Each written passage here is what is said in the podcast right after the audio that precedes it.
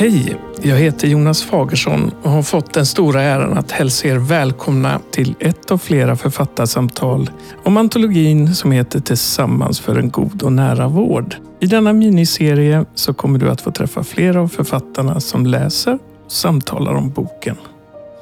Idag har vi två personer med oss. Eh, Sara Riggare, välkommen. Tack, tack. Hej. Du är ju spetspatient, du är närstående, du är civilingenjör och patientforskare. Du är verksam vid Uppsala universitet. Du är också ansvarig för att ha myntat ordet spetspatient som hamnade på nyordslistan år 2017. Det stämmer. Och du lever sedan 35 år med Parkinsons sjukdom. Mm. Och du blev utsedd till Årets medicinsvensk 2018 av tidningen Fokus. Ja, Det stämmer alltid. det stämmer alltihop. Och så har vi med oss Bodil Jönsson. Välkommen. Tack. Du är professor emerita i rehabiliteringsteknik. Du är fysiker, författare och tidstänkare. Och du har skrivit många böcker. Men den senaste du skrev det var tillsammans med Åke Åkesson och den heter Tid för tillit och trygghet. Mhm. Och nu tänker jag att eh, jag eh, säger bara vem av er vill starta? Ja, jag kan väl hoppa in då helt enkelt och börja resonera lite om den här boken som är ett, ett samskapat eh, verk som eh, är väldigt roligt att, vara- med i och ta plats i. Och där jag i mitt kapitel såklart pratar om min eh, resa lite grann och hur jag ser på det här med god och nära vård. Och det börjar ju såklart med, med, med personen, med mig, med, med individen. Det är ju det som är det närmaste. Man är ju sig själv närmast som det heter.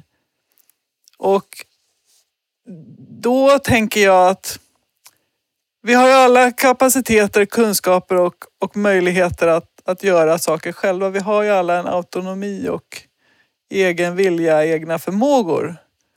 Men beroende på hur, hur situationen ser ut så kan ju jag behöva mer eller mindre hjälp och det är där jag ser att den här nära vården ska komma in. Och att min, min önskan, min dröm är ju att det ska sluta i att jag kan få den hjälp jag behöver när jag behöver den. Och det får vi hoppas att det, att det rör sig åt det hållet. Det, det, det, det, det låter ju väldigt enkelt men det är ju svårt att uppnå såklart. Av många, många skäl. Men sen är det viktigt att tänka på att jag har ju inte alltid samma behov beroende på situation. Och att det är utmanande såklart för system att, att, att anpassa sig och, funka för alla situationer. Men det är, det, det är där vi måste hitta vägarna tillsammans. Ehm, så snart vi börjar tala om oss som individer så är det ju mycket som skiljer oss åt. Alltså också om vi har en och samma åkomma så upplever vi den på olika sätt och vi berättar om den på olika sätt och vi blir lyssnade på på olika sätt. Och dessutom som du säger så, så avgörs ju så mycket av dagsformen och vad, och vad man skulle vilja göra just den dagen och hur man tre dagar innan kan tänka bara det inte blir så här på torsdag så kommer jag att klara detta som jag vill göra. Och då borde man ju kunna få lite hjälp med, om det nu ändå blir så på torsdag. Hur kan vi göra då? då? Det vill säga att även detta, det improviserade, blir ett samarbete. Och att det måste utgå från människans egen, egna drivkrafter och önskemål om ett gott liv. Mm. För det där är ju Ink. kn- knepigt. Och då inklusive till exempel medicinering. Alltså om man som reumatiker har svårt att komma ner på golvet men vet att i övermorgon kommer mina barnbarn. Då är man ju beredd om man vill ha en annan medicinering. Om man tar biverkningarna bara man kan komma ner på golvet till ungarna. Ja, ja. Och det handlar ju om det här att, att hälsa är inte samma sak för alla människor. Och Nej. därför går det inte heller att mäta på samma sak för alla människor.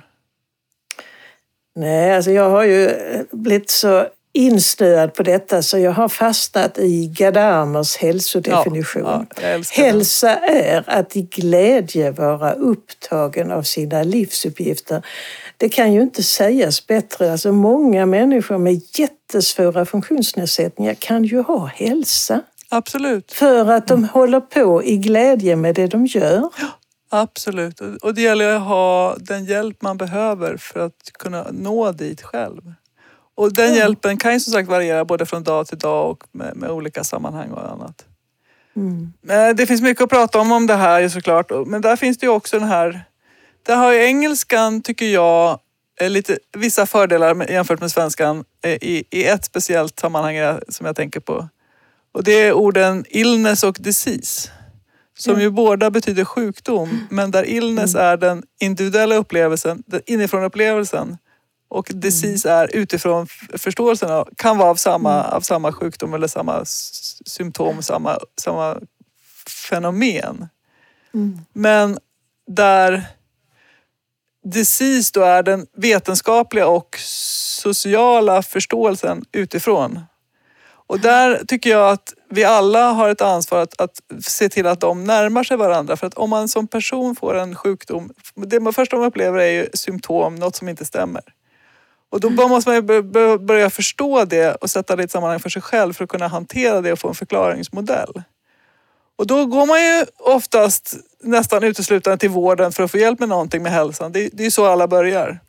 Och då får man ibland ett ord som, som vården beskriver det med. Och då ska man försöka som person jämka det då med sin egen upplevelse och se hur det stämmer och få ihop det till en förklaringsmodell som man kan använda och leva med. Och det är ju då att jämka illness och disease i samma person. Och det där är ju utmanande där också disease, begreppen ofta bygger på sånt som är objektivt mätbart för att det är svårt att mäta subjektiva saker utifrån.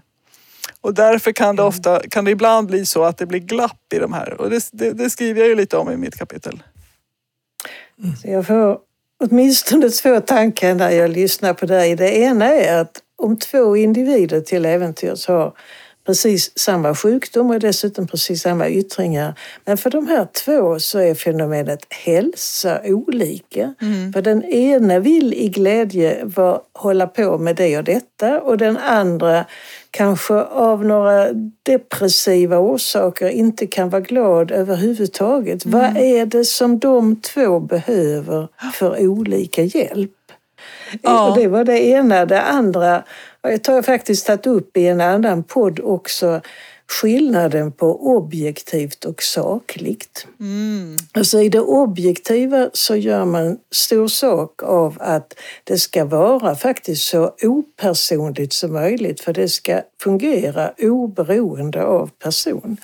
Men till det sakliga hör alltid personen. Ja. Inte minst jurister gör ju stor affär av det, men det gäller ju faktiskt också sjukdom hälsomässigt. Att, Absolut. eh, och man kan få en viss respekt bara för att föra in ett sånt här ord som sakligt. Det är inte det att jag vill att vi bara ska prata runt, bara för att jag inte tycker att det är det objektiva som är tillräckligt, utan ta det objektiva men försök kombinera det med det personliga. Ja, och, och, och sen så kan man ju tycka att det, det är lite befängt att tro att någonting kan vara helt objektivt. För äh, så Det fort vi blandar in människor så blir det ju personliga eh, både bedömningar och, och, och slutsatser. Och, och, Ja. att, Men, men det Men- blir men- skillnad. Det blir skillnad på en verksamhet som har det objektiva som ideal. absolut. Eller det som har det sakliga som ideal. Men att, vi, Absolut. att det är ideal bägge delar, det, det är Absolut. självklart. Ja. Och, och då kan vi hoppa då till verksamheten som vi pratar om i boken som, som är då vården och hur den relaterar till hälsa. För det finns ju forskning som visar att det är, det är inte så stor del av hälsan som kommer från vården eh, eh, i, i, på en större skala. Den här speciella forskningen som jag har tagit upp i boken säger att ungefär 10 procent av hälsan kom, kom, bidrar vården med. Medan 50 procent kommer från arv, miljö och sociala faktorer och 40 procent kommer från eh, le- levnadsvanor och och det, egenvård och, och val man gör i livet. Och i, den, I den skalan så blir det ju intressant. Det betyder ju självklart inte att vården inte är viktig en högkvalitativ vård är, ju helt avgörande för hälsan men det räcker inte. Det, det, det är inte det enda som behövs. Det behövs annat också. Det, det tror jag är en, en viktig sak att prata om mer än vad man har gjort hittills i, i alla mm. sammanhang. Jag tycker det hade varit jätteroligt om vi stannade ett långt tag på det här med 10 plus 50 plus 40. Ja. För, att, för att det är ju de 10 egentligen som vår gemensamma bok försöker utmana och inspirera och stötta på längden och på tvären. Men tittar man på detta från vården och tänker att då kan man, skulle jag tyckt om jag hade jobbat där att det är ju inte rimligt att vi bara står för 10 procent. Och då skulle jag sagt att ja men har du inte tänkt på att det kan ni ju också. Alltså till och med fenomenet arv, det vi bär med oss inuti mm. dem, var det, fem, var det 50 eller 40? 50, det var de 50 arv, miljö och sociala faktorer. Ja. ja. Men till och med arvet med dagens kunskap om epigenetik etc. Mm, mm. Det går ju säkert att påverka om vården var engagerad i att komma in i vår levda verklighet, i våra mm. levda sjukdomar, i våra levda hälsor för den delen också. Ja. Så de 10 kan ju komma mm. in i de 50 och de kan komma in i de 40. Absolut, och det här forskningen är framräknad på ett speciellt sätt så att självklart finns det över, överlapp där. Och du själv är ju en äkta föregångare med dina blåa prickar. Jag tycker du måste berätta om dem här. De ja. 8760 kontra de 8759. Ja, eh, det var ju så att jag började fundera på hur det skulle se ut om jag räknade, ritade upp då, eh, mina timmar i, i, i, i neurologisk specialistvård för min Parkinson jämfört med hela årets timmar. Och då räknade jag ut att och jag, jag har några gånger fått frågan, men det, är, det stämmer ju inte. Men det jag har räknat med också skottåret, så jag har tagit 365,25 gånger, gånger 24. Och då blir det 8766 timmar på ett år. Och så en av dem då tillbringar jag i, i neurologisk specialistvård i genomsnitt på ett år. Ungefär två halvtimmar har jag med neurologen i direktkontakt så i, i samma rum. Och eh, då blir det en röd prick som symboliserar den och så 8765 stycken blåa prickar. Och då har jag gjort en bild av den som jag vet att säkert många som lyssnar på det här har sett i något sammanhang. Både antingen om jag har visat den eller om det är någon annan som visat den. Men mm. den, den, den, den förvånade mig också första gången jag gjorde den. Att, att det var så väldigt så tydlig att det blev så lite helt enkelt. Mm. Men, det, men det betyder ju såklart inte att att, att jag vill ha... Det betyder varken att jag, att jag tycker att den röda pricken är obetydlig eller att jag tycker att, att jag vill ha fler röda prickar. För jag vill ju inte ha... Jag vill inte ha fler röda prickar än jag behöver. Jag vill ju ha lagom många röda prickar i, min, i, min, i mitt mm. år. Mm. För att hitta mina livsuppgifter. Och poängen då är ju att de röda prickarna ska utöva sin påverkan på de blåa prickarna, det vill säga på resten av livet. För att du vet med dig vad som hände därifrån. Du vet med dig att du kan få kontakt igen. Och det där med tillit och trygghet, det, ja. det påverkar ju det mesta. Ja, och det är ju helt eh, glasklart att den största anledningen till att jag kan göra allt det jag gör är ju att jag vet att jag kan få hjälp när jag behöver den. Ja. Så att jag vågar ta ut svängarna mer. Jag vet att skyddsnätet finns där. Både mitt e-, eget familjeskyddsnät men också mitt, mitt sjukvårdsskyddsnät. Mm. Och det är helt avgörande att jag, för, att jag, för att jag ska slippa gå och fundera på måste, hur, hur, hur, hur, hur får jag kontakt och när kan jag få kontakt. Och, om, jag, om något händer, vad kan jag göra? Utan istället lägga energin på, på mina livsuppgifter som jag vill göra. Mm. Jag blir nyfiken Sara. För det, det, är ju några år sedan du tog fram den här bilden ja, 2014 som beskriver ditt år. är den, den, den som jag fortfarande det, använder för. Det är sju år sedan. Och du använt, den har använts av många andra ja. och den används av dig i många sammanhang. Ja. Kommer, kommer pryda du... min avhandlings utsida också, kan jag med avslöja. Ja. ja. Jag blir nyfiken på vad är, vilka reaktioner har varit mest överraskande? Vad har du fått för reaktioner och vad är det för vad har det väckt för tankar? Oj, vilken bra fråga. Uh, nej men I början så hade jag ju inte heller tänkt riktigt på vad den skulle användas till om jag ska vara ärlig.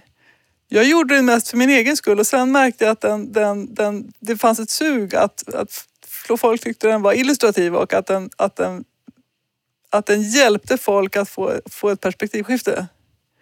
Den mest överraskande reaktionen jag har fått några gånger är när någon har sagt till mig Oj, den fick mig att börja gråta. Mm. Och, och, och då, då, då får jag först lite dåligt samvete för jag tänker oj, det var ju inte meningen. Men sen när de förklarar vad den fick dem att se. Det vill säga att det mesta av livet, även för en, en väldigt komplicerad kronisk sjukdom, är faktiskt utanför vården. Och att man behöver då, man, de fick syn på, de som har beskrivit det här för mig, att de fick syn på att de behöver jobba på annat sätt för att stötta personer som lever på det sättet. Att det, det behövs nya arbetssätt. Och då, då, då, då tyckte jag, då, var det ju, då värmde det ju, även om det såklart sved lite i mig att, att jag fick dem att börja Mm. gråta. Men, men det, det, det var en ögonöppnare för mig för det hade jag inte nog tänkt att det skulle kunna ge sådana reaktioner. Alltså det, eh, först och främst så blir jag jätteglad för att du tänker ha den som bild på utsidan av din avhandling. Ja. Det är svårt att, svårt att tro när man är i slutet av jobbet men människor kommer att glömma vad man heter och de kommer att glömma vad avhandlingen heter. Ja. Men du kommer att omtalas långt fram utifrån hunden där med de blåa prickarna på utsidan på avhandlingen. För att då blir en sån här bild, den blir ju precis som du säger, den blir ju till ett mem. Alltså till en, tank, till en tanke som bär från den ena till den andra. För många fler kommer att sätta sig in i Jaha, hur är det då för min del?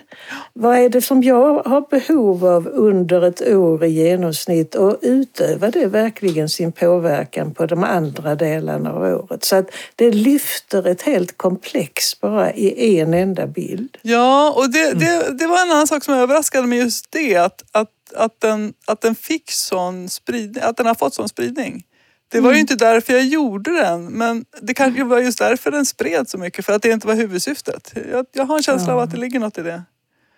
Och att så många känner igen sig i den. Både, att så många kan ta till sig den. Både patienter, medpatienter och andra som lever med komplicerade kroniska sjukdomar. Men också folk som jobbar för att hjälpa oss. Att de kan använda den i, i sin verksamhet. Det är, ju- det, det, det, var- det är väldigt glädjande och överraskande för mig i början. Nu vet jag att, nu har jag förstått att det är så. För det, det är också något som har överraskat mig för att helt ärligt så tycker jag inte, fortfarande inte att det jag gör är så väldigt översvallande fantastiskt. Jag gör ju bara det jag kan med det jag har och, och, och kan använda.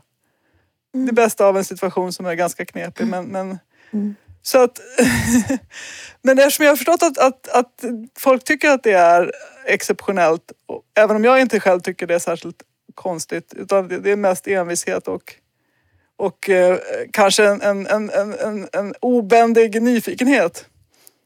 Men då förstår jag ju också att det jag gör kanske inte var så självklart som jag trodde att det var. För andra. Nej, och det var ju inte självklart för dig heller förrän Nej, du, nej. när den här tanken väl landade. Men det är så häftigt det här när man kan få lov att tillsammans ha fixstjärnor och tillsammans ha vandringsstavar. Så att man, man blir liksom del av en gemenskap kring Sara Riggares blåa prickar. prickar. Och jag kan ju säga att du, jag vet att jag sagt det förut till dig Bodil, men du har ju varit en sån fixstjärna för mig och, och min make också för den delen. När Tio tankar om tid kom ut så den, den spreds ju som en löpeld. Men faktiskt har vi två ex av den hemma för att vi köpte varsin åt varandra. Och det vet jag att jag sagt förut. Men, och det, det är också roligt att, att, att ställtid och allt det där, det används ju. Det har blivit, det är verkligen liksom begrepp som, som, som är grundpelare nu och det är jätteroligt och, att de finns. Men det är ju sånt som man kan bli lite rörd av och som man inte kan veta från början vad det är som kan slå an också hos andra. Utan då gäller det ju för var och en av oss att leta efter mönster i våra egna upplevelser. Och sen i den mån det går att försöka prata med varandra om de mönsterna. Och det är ju där jag hoppas framöver att det ska komma fram nya mönster i den goda och nära vården som Ja. kan bli till en ny kunskap. Och, och där har vi pratat mycket, du och jag Bodil, tidigare och också i andra sammanhang med olika personer om men vad är den här goda nära vården då? Och, och jag ser det väldigt mycket som att det handlar om en omställning från eh, vård till hälsa. Mm. Och det är Och den, som, den, den som, som den goda... att det är den som den goda nära vården ska stötta. Och då eh, brukar jag tänka så här, för, för att som patient i, i vårdsammanhang så känns det ofta som att personalen som jobbar där ser det som att målet med vård är att leverera vård. Medan jag som patient vill jag använda vården som ett medel för att nå mitt mål som är hälsa. Och det har jag känt väldigt, det har jag hört väldigt många andra som, som känner igen sig i också, andra patienter och också runt om i världen faktiskt. Och det är inte så konstigt för tittar vi på det, hur, vården styrs så är det ju efter vårdinsatser och, och det är ju klart, det är det enklaste. Men det kanske inte är det bästa för, det är säkert det bästa för systemet men det är kanske inte det, det är garanterat inte det bästa för individerna. För att det blir fel liksom. För att det, man blir inte frisk av vårdinsatser, man blir frisk av, av resultatet av vårdinsatser och det, det, det är en annan sak. Så att jag tänker att det är det vi behöver ha den goda och nära vården till. Att, att både få syn på det här själva och för, tänka igenom vad betyder det för mig och hur, hur behöver vi jobba på andra sätt för att vården ska kunna bli hälsa. Och det jag ser som saknas då framför allt är stöd till egenvården. Mm. Och vad egenvård är, är, lika individuellt som vad hälsa är. Så därför måste man börja prata om det och fundera på hur, hur kan vi operationalisera egenvård då på ett bättre sätt än idag? Och sen tror ju jag att även ett sånt fint begrepp som egenvård är ju på väg nu att instrumentaliseras. Så därför skulle jag vilja ta en vinkling som jag vet att vi inte har pratat om, som jag kom på i förberedelsearbetet Ja, till den här spännande. podden. För du skriver så fint om hur dagens vård har ju en historisk bakgrund och Mm. den historiska bakgrunden, då handlade det ju mycket om att man skulle återställa arbetskraftens produktivitet. Ja. Och då säger jag, ja men titta nu på denna. Det skulle ju blivit någonting helt annat om man hade insett att arbete, det innefattar inte bara lönearbete, utan det innefattar också egenarbete och det innefattar ideellt arbete. Ja. Så om vården inriktades på att vi så långt som möjligt skulle kunna göra det vi ville göra. Och då är vi tillbaka i hälsan igen. Men vi har ju också problematiserat det här. Vad är det vi ska kalla för egenvård? Ja, det är ju att jag ska kunna bli glad av vad jag gör. Det hör ju dit. Ja, absolut. Och det finns faktiskt en, en definition på egenvård som, som jag tror jag har med, jag citerat i boken. Jag ska hitta den, jag kan läsa den som den står i boken. Som kommer från WHO, Världshälsoorganisationen. Mm. I översättning så, så, så är det så här. Egenvård är förmågan hos individer, familjer och samhällen att främja och bibehålla hälsa, motverka sjukdom och hantera sjukdom och funktionsnedsättning. Med eller utan stöd från hälso och sjukvården. Och det är ju en, en, fler, några steg mer operationaliserat än, än att vara upptagen med sina livsuppgifter. Men det är ändå en bättre definition som, som Mm. är mer, mer inkluderande än de som finns och används idag. Ja, Och just det här med eller utan stöd från hälso och sjukvården. Det, det, det signalerar också någonting om att det handlar om att ibland behöver man stöd och ibland inte. Och, och, och att det är också viktigt att prata om vad man, vad man har, har förmåga att göra själv. För att människor mår ju bra av att vara autonoma, att göra saker själva. Det är en väldigt tydlig hälso... eh, Med, med, alltså det är hälsofrämjande i sig att, Mm. att känna sig Mm. kompetent själv. Mm. Så det där är ju någonting vi behöver prata om såklart.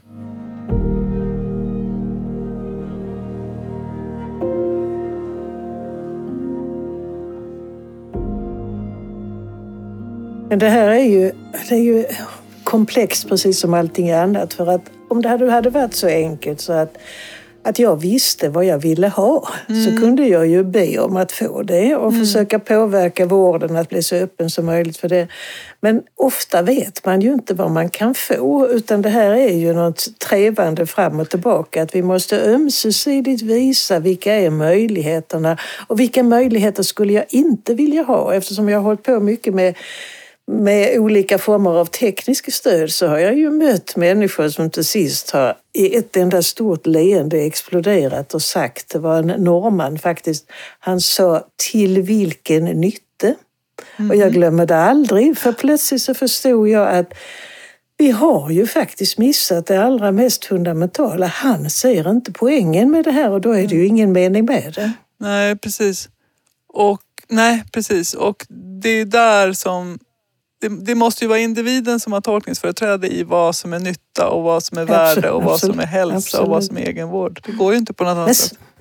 Men samtidigt kan ju vården sitta inne med och tekniken sitta inne med sådana möjligheter som jag hjärtans gärna hade tagit bara jag hade vetat om att de fanns. Absolut, men så när det... man kommer som patient först så vet man ju inte ens vad som är fel. Så man är ju i underläge redan Nej. från dag noll. Ja. Och, och sen är det ju den här, man blir ju socialiserad in i kulturen. Om man, om man blir behandlad som, som man blir som patient, som alltid okunnig och hjälpbehövande. Mm. Då är det väldigt mm. lätt att, att passa in sig i den rollen, att det blir en självuppfyllande profetia såklart. Och det krävs, jag har tänkt mycket på det, det krävs en hel del för att bryta loss ur den som, som patient själv. Och, och, det är nästan så konstigt så att det blir ett stigma att, att inte bete sig som patienter förväntas bete sig. Att man blir, liksom, man blir sedd som, ja men du, du, du är den där bråkstaken. Och det är inte heller helt lyckat. Men det krävs ändå att, att, att, att man gör det för att det ska öppna upp för andra också. Eh, jag måste få fråga en sak. Jag, begreppet egenvård, bara för jag tänker att det är många också som, som som vet säkert vad hälso och sjukvårdslagen säger och patientlagen ja. säger. Men det är ju någonting annat. Eh, kan, nämn någonting ja, om det. Ja, det är lite problematiskt att Socialstyrelsen har en föreskrift som säger att egenvård är sånt som en behörig hälso och sjukvårdspersonal har bedömt att en patient kan genomföra själv av sånt som egentligen är hälso och sjukvårdsuppgifter men som då inte mm. längre blir det för att det har blivit bedömt som egenvård. Det ska journalföras alla möjliga saker. Men det finns underlag, det finns rapporter hos Socialstyrelsen som säger att det kan vara allt från att ta på sig stödstrumpor, det kan vara egenvård eller hälso och sjukvårdsuppgift beroende på vad man kan göra själv. Till att göra hemdialys som är en väldigt avancerad behandling som man kan göra själv och få mm. egenvård. Så att det är ju ett väldigt konstigt fält i sig, den här, den här systemoperationaliseringen av egenvård. Och jag vet att det pågår en, en översyn av den föreskriften hos Socialstyrelsen, men den har pågått i tre år och har ännu inte sett något resultat. Så det är längre än en, en elefantgraviditet. Så vi får se vad som kommer ut ifrån den.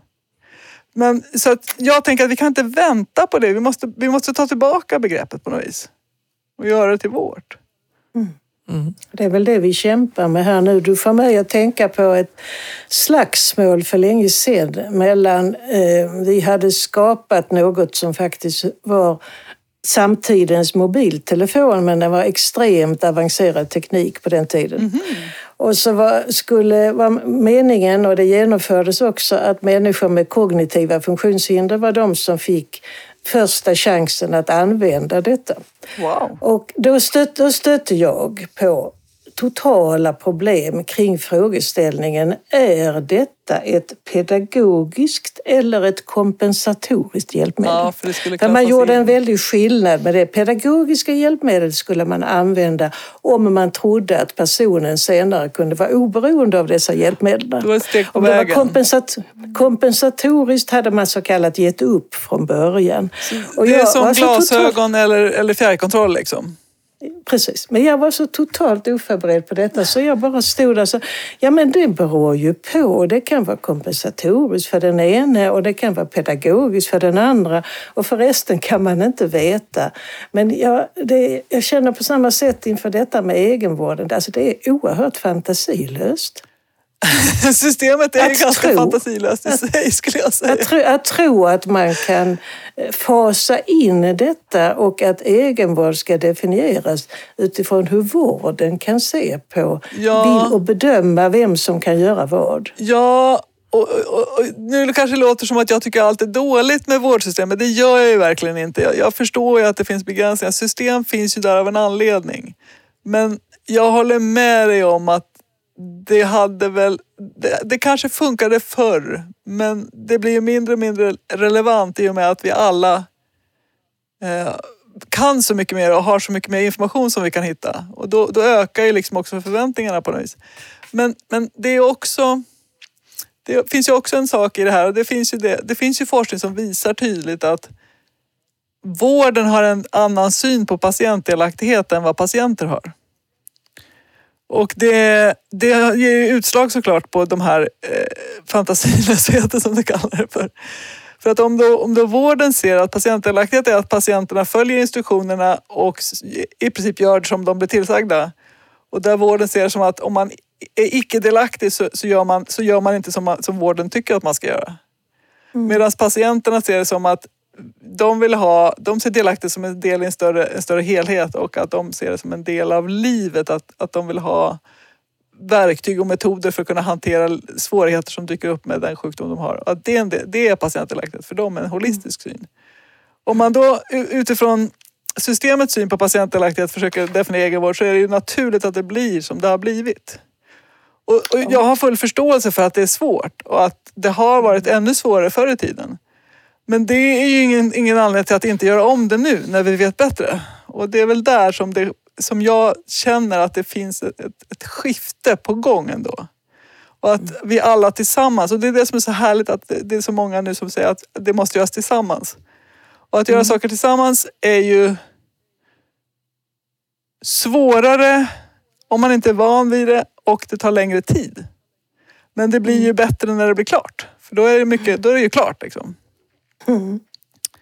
Men så att det, ja, det finns mycket som, som går att förbättra och det är väl det, det, det är inte samma sak som att allt var dåligt hela tiden förr utan det, det, det, det har hänt saker under resans gång också. Alltså delaktighet är ju ett sånt jättekomplex så att först kan man ju dela upp vad är det som man ska vara delaktig i. Men sen kommer när man kommer till hur så finns det en föreställning till exempel att man kan ge delaktighet. Det finns en förutsättning att, föreställning att man kan kräva delaktighet. Man kan inte ge det och du kan inte kräva det utan man, alla måste vara beredda att erövra en delaktighet för man måste vara åtminstone två om det. Eh, Och då kan man, vad man kan kräva det är förutsättningar för delaktighet. Men sen blir det ju ändå lite konstigt om vården tror att det vi vill kräva förutsättningar för det är att bättre förstå oss på vården. Ja, det är klart att vi, vill- vi vill det, men vi Fast vill ärligt talat är det helst, ganska ointressant. ja, vi vill ju allra helst att de ska förstå sig på mitt liv. Exakt. Och det vet jag att det är mycket begärt, så det kan jag inte kräva. Men det skulle ju kunna vara ett mål. Man kan ju försöka ge dem förutsättningar för att göra det. Alltså, Ja. jag, jag, jag gillar ju att vända på saker, eh, perspektiv och annat. Och jag tänker att när jag går till vården och träffar en ny läkare så brukar jag bete mig läkarcentrerat. Mm. Och med det menar jag att jag eh, förminskar min kunskap och och är väldigt tillbakadragen. För de som känner mig så är det ganska out of character, lite, lite, lite oigenkännlig kanske. Eh, Att jag är väldigt försiktig med vad jag tror och säger själv innan jag kan få en känsla för hur den läkaren, om det är en ny läkare träffar en akutläkare eller någon ny vårdcentralsläkare eller liknande. För, för man måste ju bygga en relation. Och, och jag, jag har full respekt för att de personerna träffar jag kanske en gång och aldrig mer. Och då, då tänker jag, då kan jag göra det mötet så, så konfliktfritt som möjligt för att, för att spara min tid och deras och också kanske lite, lite mindre eh, energi kanske går åt. Så då är jag väldigt försiktig innan jag känner om den personen kan, är en sån typ av läkare som, som är beredd att möta en kunnig och påläst och ganska i, i sina stunder besvärlig patient. Eller inte. För att en av de eh, mest olyckliga sakerna som kan hända för en patient är att få en stämpel som besvärlig patient. För det vet man, alltså då får man sämre vård. Det finns det forskning som visar. Och det vill man inte ha. Man vill ha bättre vård. Det bästa man kan få i det sammanhanget är att bli sedd som ett intressant fall. För då kommer de gå, gå bortom vad de behöver och förväntas för att de eh, liksom går igång på det och vill, vill göra mer. Men det är svårare att lägga upp själv. Men det, jag kan ju själv bete mig läkarcentrerat genom, för att anpassa för att undvika att bli klassad som en besvärlig patient. Men det som är synd med det, det finns många saker som är synd med det. Dels är det synd att jag, att jag känner att jag behöver göra det. För att det borde inte behövas. Men det, det som är nästan mer tråkigt med det är ju att det, blir, det tappas ju lärande. Både för läkaren och för mig.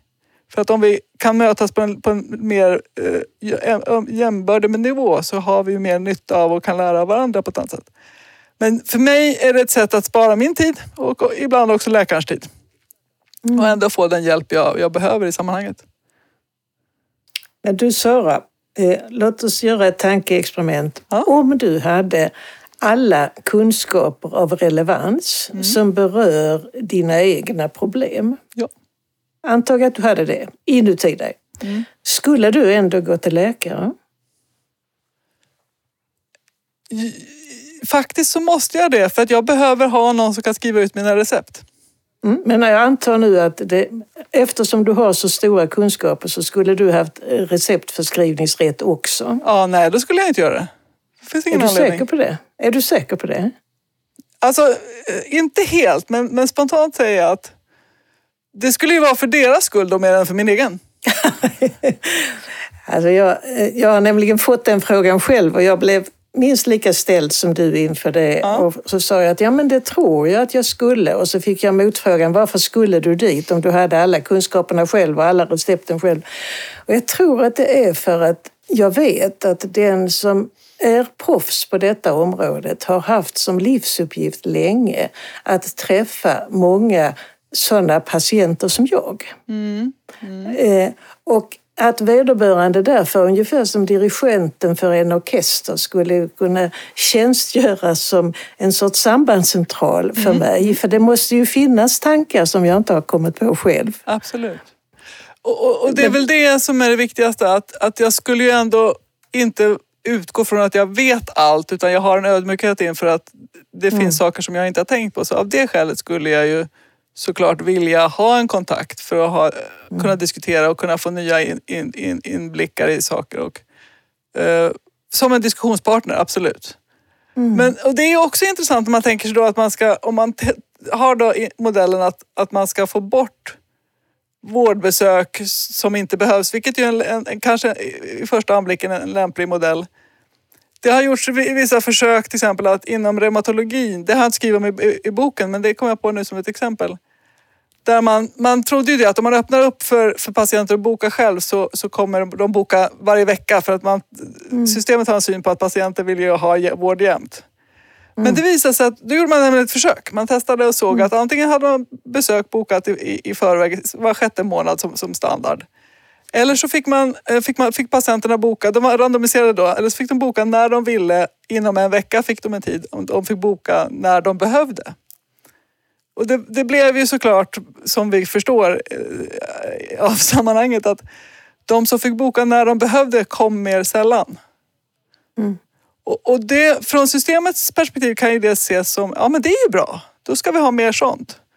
Men samtidigt så kan det ju vara så att om, om man som läkare bara får träffa de som mår riktigt, riktigt dåligt.